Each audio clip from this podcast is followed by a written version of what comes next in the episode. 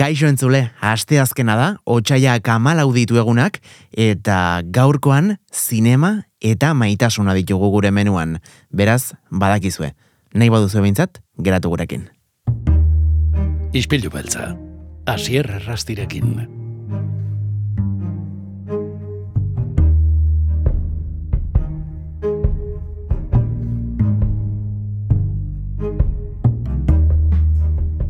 Ba, tira, behin menua zein den ezagututa, orain lehen platerarekin guaz, zinemarekin, gaurkoan ere hementxe delako, donostiako zine unitateko zuzendarian normalean, asteartetan izaten da gurean, baina atzo badakizue egun berezia izan zela, irratiaren nazioarteko eguna dela eta, eta gaurra atzeratu behar izan dugu berarekin dugun itzordua, baina hementxe da.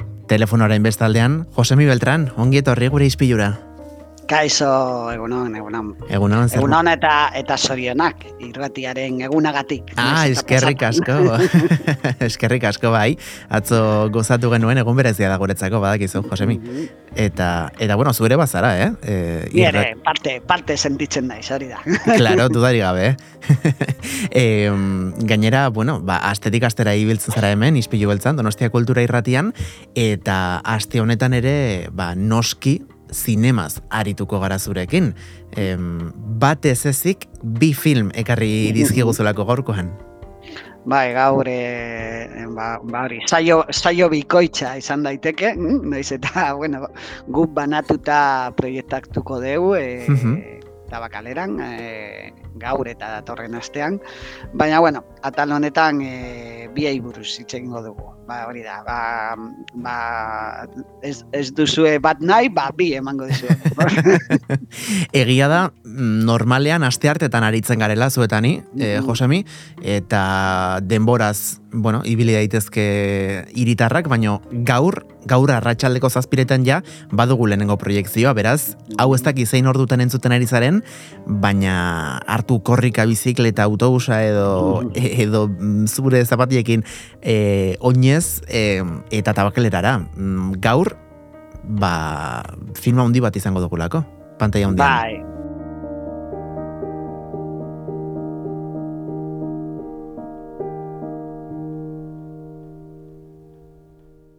Gainera, bueno, ba, iaia zikloan e, izango da, bueno, ba, interesgarrienen artean egon daiteke, e, horregatik, e, bueno, oso ikonografikoa da filma, Mhm. horregatik aukeratu dugu bere irudia, ba, gure gazteniazko liburuaren azalan agertzeko. Agia da. Eh, han, Mhm. han badaude Bar Lancaster, Claudia Cardinal eta Lee Marvin, mm, eh, bueno, ba, protagonistetako batzuk, zeren beste batzuk badaude, Robert Ryan, eh, Woody Strode edo Jack Palance, mm, eh, ba, castinga oso erakargarria da film honetan.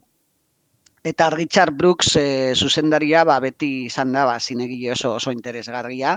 E, hiru western zuzendu zitun, The Last Hand, Los Profesionales hau eta Muerde la Bala, baina beste motatako film asko ere, e, bueno, gogoratu dezakegu El Fuego y la Palabra, La Gata sobre el Tejado de Zinc, Dulce Pájaro de Juventud, Los. Jin, A Sangre Fría, beti literaturarekin oso lotuta askotan filmak, e, bueno, ba, eh, lan maizu, literatur maizu lanak moldatzeko, ba, bueno, e, grina edo de, bai, joera hori zeukan, esan dezakegu, eh, Richard Brooks, eta beti askotan aipatzen da nola ze garrantzia zuen e, bere filmetan ze garrantzia zitun e, ba, bai hitzak, elkarrizketak eta eta ekintzak baita. Eta hori ere gertatzen da film honetan, western honetan, los profesionales e, westernean, bai.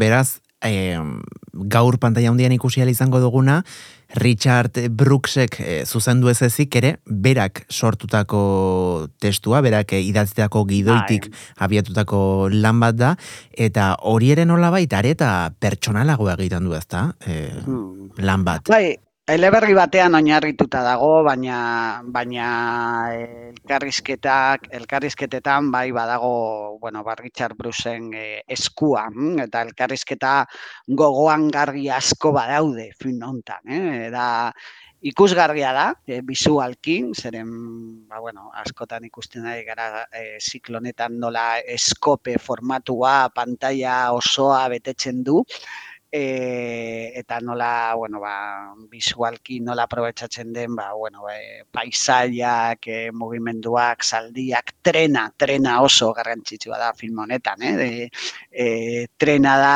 western generoaren ikuru bat, mm eta, eta bai. honetan oso, oso, oso indartsua eta paper handia jokatzen du e, trenak e, violentzia, e, pasioa, baina baita ere hori, ba, elkarrizketak eta esaldi, bueno, ba, bueno, gogoratzeko modukoak badaude asko eta ironia, e, askotan hitz egiten ari gara egun hauetan, no? Ironia, e, bigarren zentsu bat ematea e, elkarrizketei, eta gainera ba bueno hau bezalako aktore karismatiko batzuekin eh? Hori guztia Moris Jarren musika bueno ba horrek guztiak osatzen du ba film benetan benetan eh entretenigarria eta gainera eh askarra eta fina esan dezakegu bai Normalean, bueno, ituak gaude batez ere Ameriketako pertsonaiak ikustea ez da, horrelako filmetan, baina kasu honetan, em, Ego Amerikako, Mexikoko, ba, talde bat ere izango da protagonista, mm. historia honetan. Bai, gainera, bueno, ba, mugan dago, mugan gertatzen da, badago, e, bueno, iraultzaile bat edo, e, agertzen da Jack Palance beraz berez, bera esen oso mezikarga, esan dezakegu, baina hau askotan geltatzen zen Hollywooden, eta, eta bueno, zenbait urte, bueno, lehenago horrela zan, ez da, e, e, iaz ere, no, e, aurten ere barkatu ikusi dugu nola e, Tony Frantziosak, baita beste latino pertsonai bat egiten zuen beste film batean, eta bueno, beltxarana bas, ba, basinen, ba, mexikarra edo latinoa izan, izan eta kasu honetan, ba, jak palan zorrelakoa egiten zu. E, Bera Amerikarra zen izatez, ez? Ba, hori da, hori da. E, gainera, ba, bueno, e, gero bibote bat jantzen dizute. eta eta azentua zer moduz? E, bueno, zuek, bueno, zuek ikusten duzu e, bertsi originalean film hau, eta... Gainera hori nabaritzen da asko askotan askoz gehiago, ez da? E, bueno, asentoa entzuten dugunean, ba, bueno, beti Ba, esen parodikoa bai ikusita, no? Ba, berez ikusi, nola Jack Palance Pensilvanian jaio zan, eta, eta bueno, nire ustez bere, bere jatorriak ez ziren oso, oso latinoak ez dare, nire ustez, eh? ba, sakondu behar, baina, baina bai, hemen ageltzen da, ba, pantxo bila bat antxeko bat, edo, bueno, Marlon Brando egin zuen baita ere bere gareian mezikar papera, osea, que, bai, hau oso ikoa zen beste garai batean, eh? Zoritxarrez, e, bueno, ba, beste jatorriko aktoreak ez ziren oso oikoak, eh? lehen e, estatu batuetan edo Hollywoodiko sisteman, eta naiz eta existitu agian protagonistak izateko ba, asko zaiagoa zan. Mm. Mm, baina bai, bueno. A ba... ber, eh, Josemi, oraindik 2008 irugarren urtean ikusi ditugu, eh, beltzez pintatutako baltasarrak, orduan, zer askatuko bai. diogu, irurogeita zeiko film bati. Oraindik bai, bai, ez gode bai, exigitzeko moduan. baina gia daia zineman eta telesaietan, ba, ba, ba bueno, e, bueno, oraindik ikusten genuen nola goia sarietan, azte buruantan, e, detektibe tureren bai. protagonistak, nola, bueno, ba, salatzen zun, baita ere estatu mailan telesaietan edo edo filmetan nola anistasun hori ez da gertzen. E, zeren, bueno, aktoreak ziur, aktoreak daudela, baina hori, aktore ospetsu e, saltzen duena protagonista izateko eta bar hori asko zeiagoa izaten da, e, segun ergian, no? E, bueno, Ni ustez, e, bai gaur egun baita ere Hollywoodeko sisteman, ba, ba, bueno, ja ikusten ari gara e, superheroien filmetan edo e, film oso komertzialetan, ba, baina badaude izarrak e, mundu guztiko e, jatorriekin eta eta nahazketa hori baita ere ba, oikoagoa da. Zorionez. E, aipatu dugu, bueno, liatu gara, bai, e, bai. mexikarrarekin, baina e, zertara, datoz e, Ipar Amerikara, talde mexikarrago? Bueno, ba, hau da, e, askotan ikusten ari garen bezala, e, beste, film, beste film batzuetan, ba, beste misio bat, itxaropenik gabeko misio bat. Mm? Eta, eta bueno, badago talde bat, beti askotan, ere, taldeka, e, taldeka ikusten ditugu protagonistak, mm? eta ba, bai, profil anitzeko, ba, ba, bueno, pertsonaiak ikusteko mm? eta talde ba, e, talde honek ba, emakume bat salbatu behar du eta antxa denez emakume hau Claudia Cardinale hain zuzen ere dago bueno ba mesikar irautzaile honen e, ba eskuetan edo baituta dagoela ematen du mm? eta orduan ba ba itxaropenik gabeko pertsonai hauek ba e, ba hori erresketatu beharko dute eta bidean ba, denetik gertatuko da eta iruzurrak, e, adiskidetasuna eta eta ezustekoak e, agertuko dira filmean zehar. Bai. Gogorra da filma, eh, Josemi?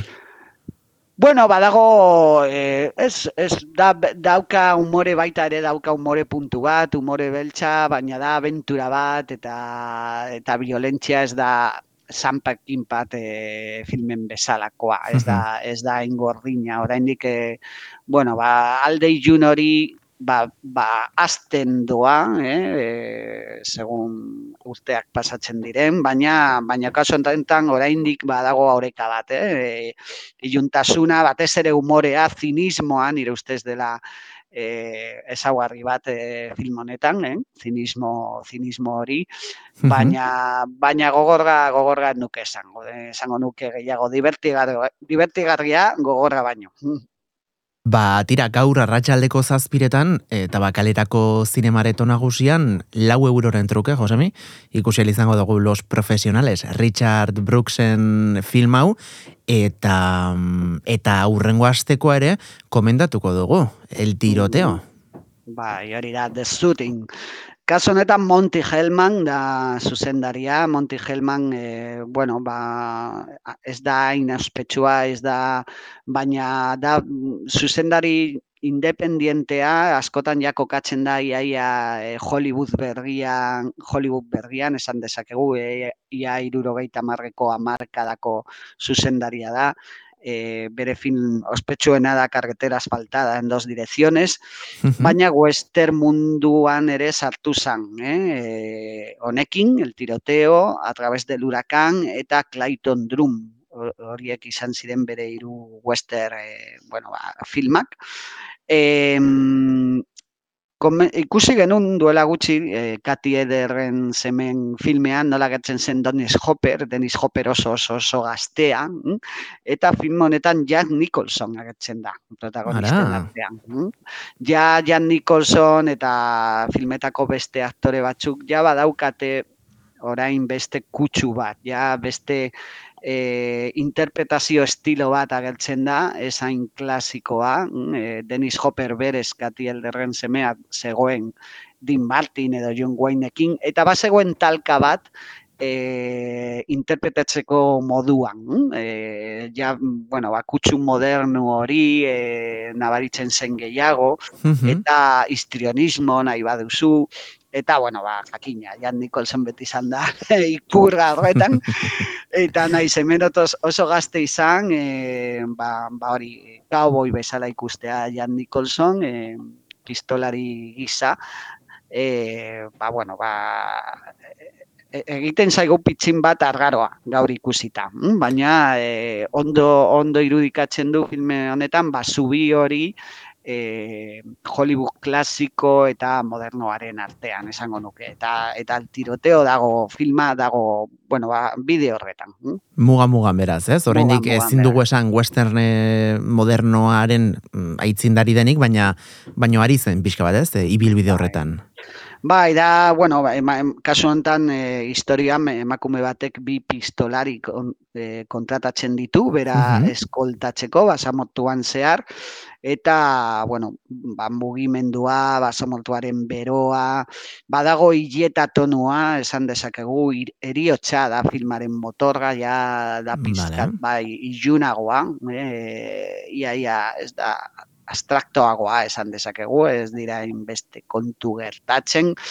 eta generoa ja badago bere buruari begira, hm? e, izpilu bezala, eh? orduan bai, saltzen ari gara pitxin bat ikuspuntu moderno batean.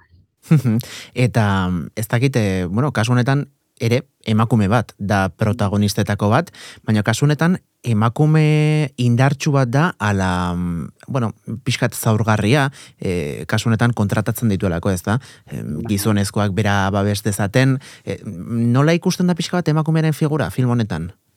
Ba, ni konparatuta gian los profesionales filmean, ba, Claudia Cardinaleren papera ba, bueno, bai bada detonantea eta hemen, hemen ere, no? badago baita ere, bueno, ba, gauza asko aman komunean, eh? emakume bat, e, umeak e, bera, osea, umeak markatu gizonak bera, bera kompainatzen, e, baina bai, hemen e, Mili Perkins da protagonista, da emakume hori eta pizkat e, pitxin bat e, aktiboagoa da ba, baita. Da, baita beste aktorea da gazteagoa, ja sartzen da baita ere, bueno, ba, beste belaunaldi, beste belaunaldi batean baita. E, eta, bueno, dago, orekatuagoa dago pa, e, aktoren aktoren banaketa, joku banaketa. E, Kati Elderren baita zegoen e, protagonista zen e, e, bueno, ba, John Wayne eta bere anaien ama, baina ez zegoen, zegoen kanpoan, ama, ama hilda zegoen eta ama e, beraien ama zen, bueno, ba, iaia mementu guztietan presente, baina gertu gabe. E, baina kaso honetan, ba, bueno, emakume aktiboagoa bat ikusten dugu. Baina beti kontuan altuta ba, western munduan e, emakumeek zuten papera ba, ba, bueno, oso esen beti beti, beti oso bueno, gogorra edo, edo menpekotasun bat zegoen edo bueno, ba, beste liku batean zegoen e, paisai violento eta e, bueno, ba, bai, e, pasai violento batean esan dezakegu. Eta hori, eh, oraindik eh, nosferatu zikloaren baitan, irurogeita zeigarren urtean eh, gabiltza, bai. baina mm. ez dakit ondoren mm, emakumearen lanketa hori aldatzen di joan, eh, urteak aurrera joan ala, ala beti, bueno, ba, gaur egungo ikuspegi batetik eh, egoera nahiko, bueno, ba, zarkitu batean mantendu den pantalla hondian. Ba, ikusi, ikusiko dugu aurrerago. Ja, irurogeita amarreko amarkadan saltzen garenean, e, baita ere ja memento horretan e, feminismoa oso bizirik zegoen, estatu batuetan, badakizue, historia, eta eta ba bai historia garaikidea e, agertzen da baita ere sinema munduan orduan e, horrek bere eragina esango izango du ja adibidez e, Robert Altmanen filmetan edo Soldado Azul filmean e, itxengo dugu horren inguruan e, bueno ba zikloa e, aurrera joan ala. ba, Josemi Beltran, ez dakit e, konturatu zaren, baina gaur San Valentin eguna da.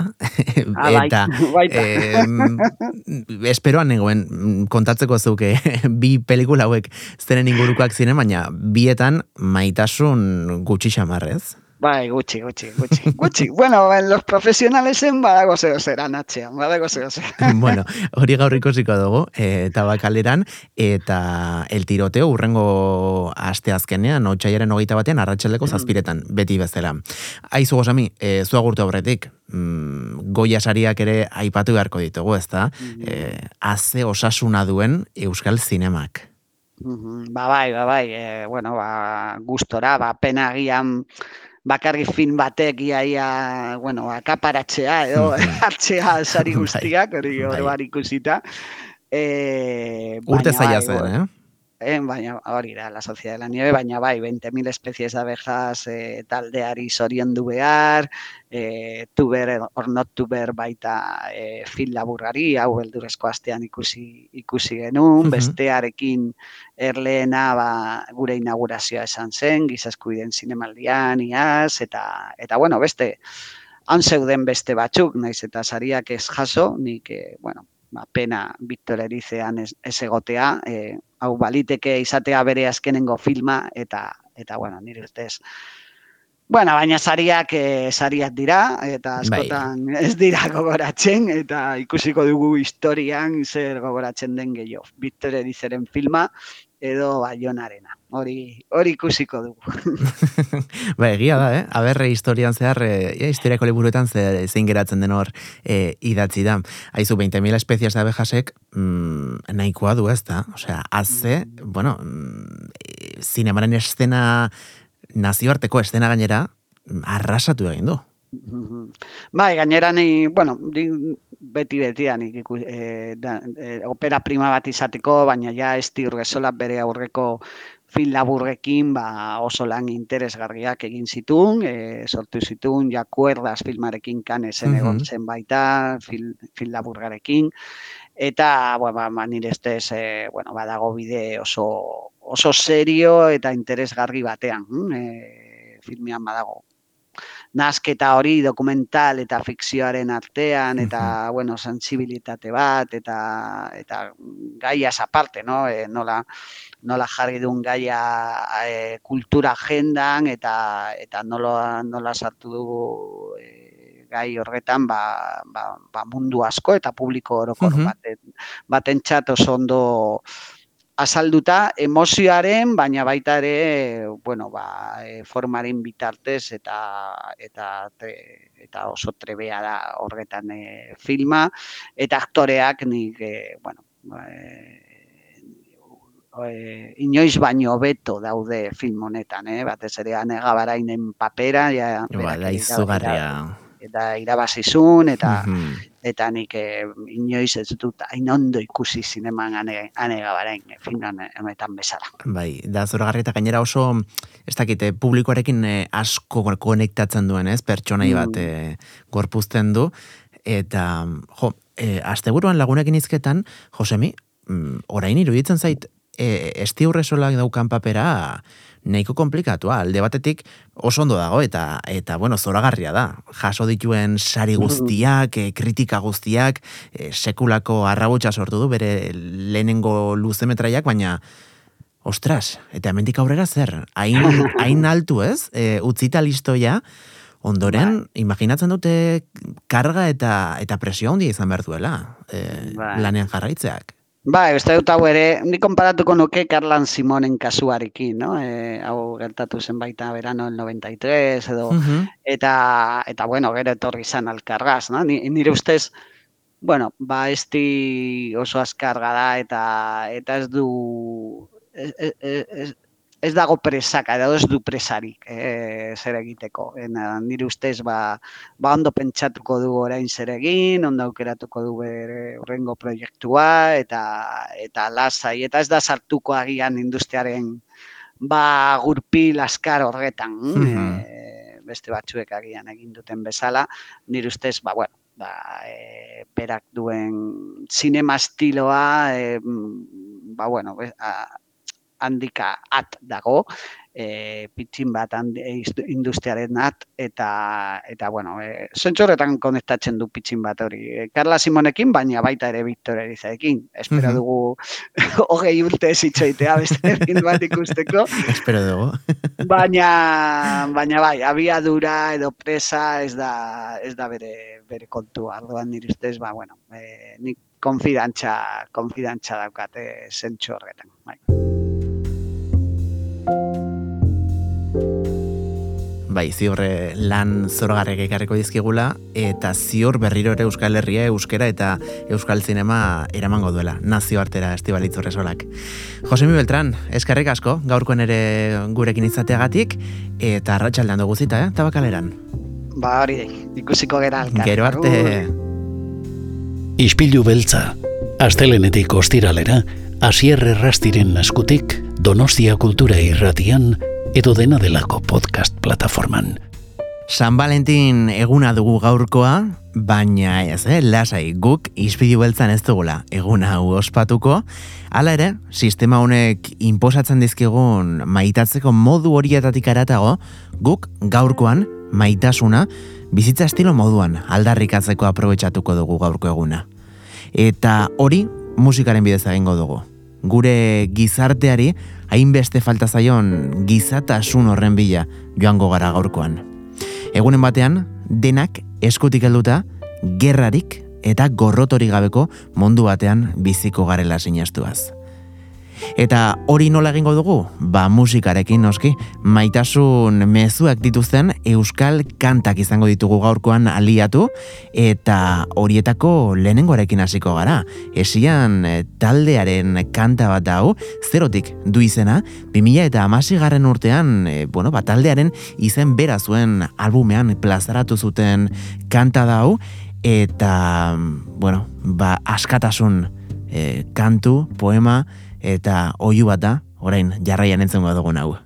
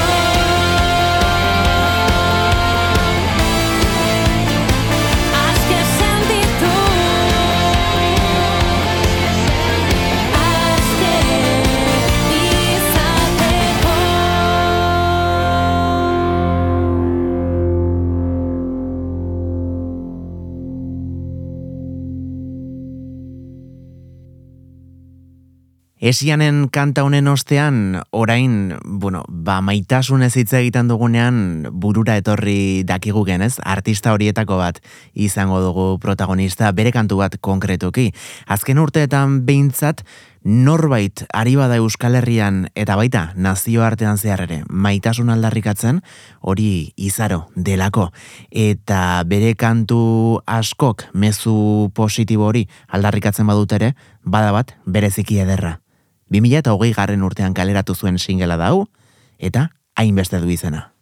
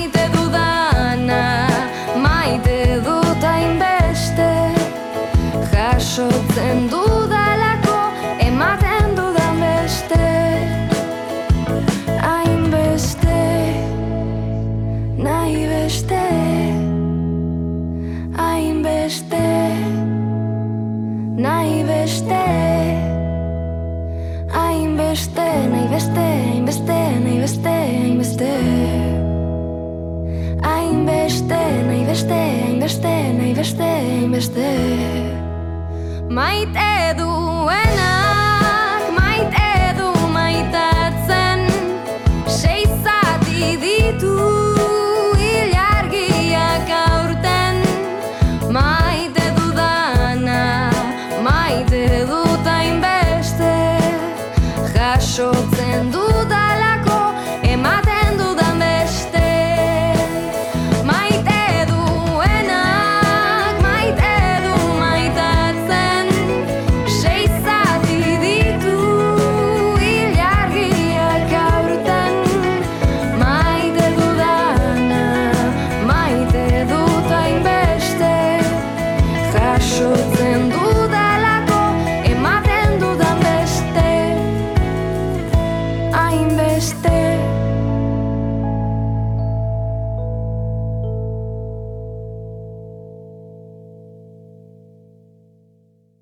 Orain entzungo dugun kantuak ez dakit aita eta alaba baten arteko maitasunaz hitz egiten duen, baina aita eta alaba batek sortu dute kantua.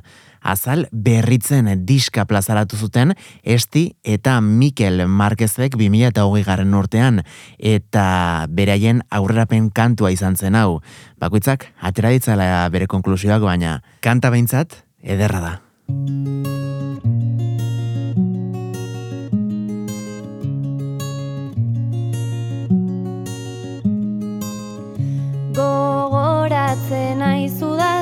Dazkeneko egun bazela Zu eta bioka inpozik lagun artean geundela.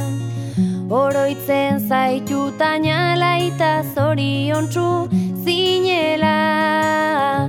Oroitzapenek esnatu naute ametxetan engoela Alboan sentitzen zaitu danarren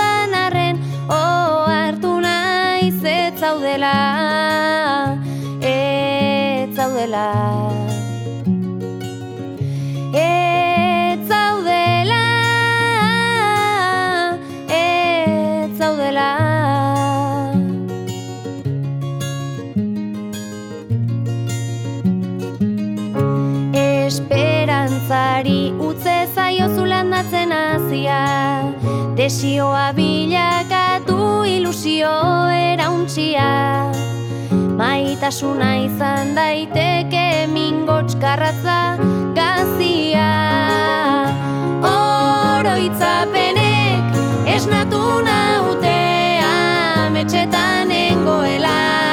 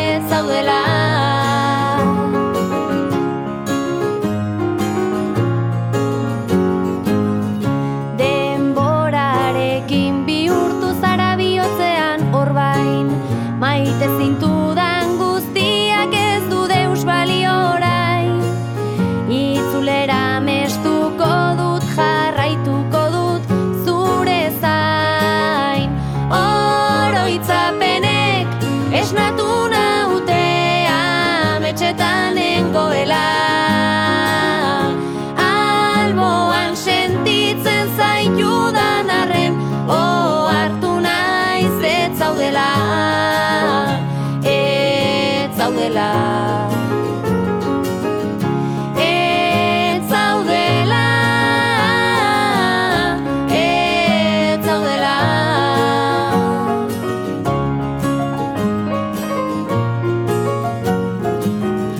Orain soilik geratzen zait gutaz idaztea Muxulaz tanta irriak Gogorra latza eta zaila da joan zarela onartzea. Oroitzapenek esnatu naute ametxetan engoela Alboan sentitzen zaitudan arren Oh, hartu naiz ez zaudela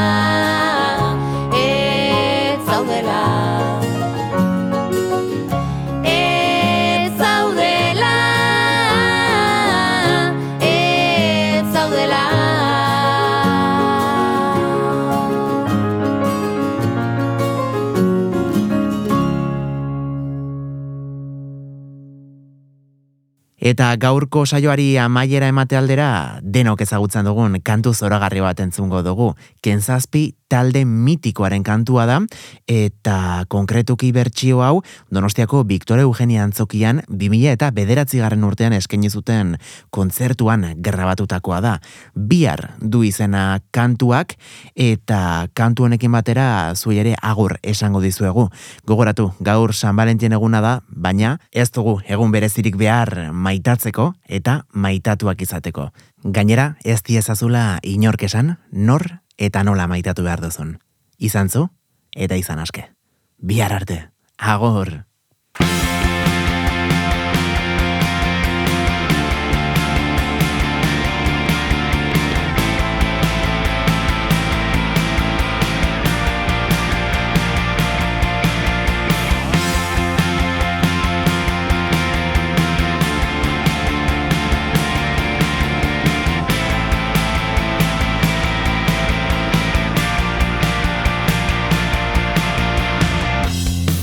Ez eskatu gauari Berriz lastantzeko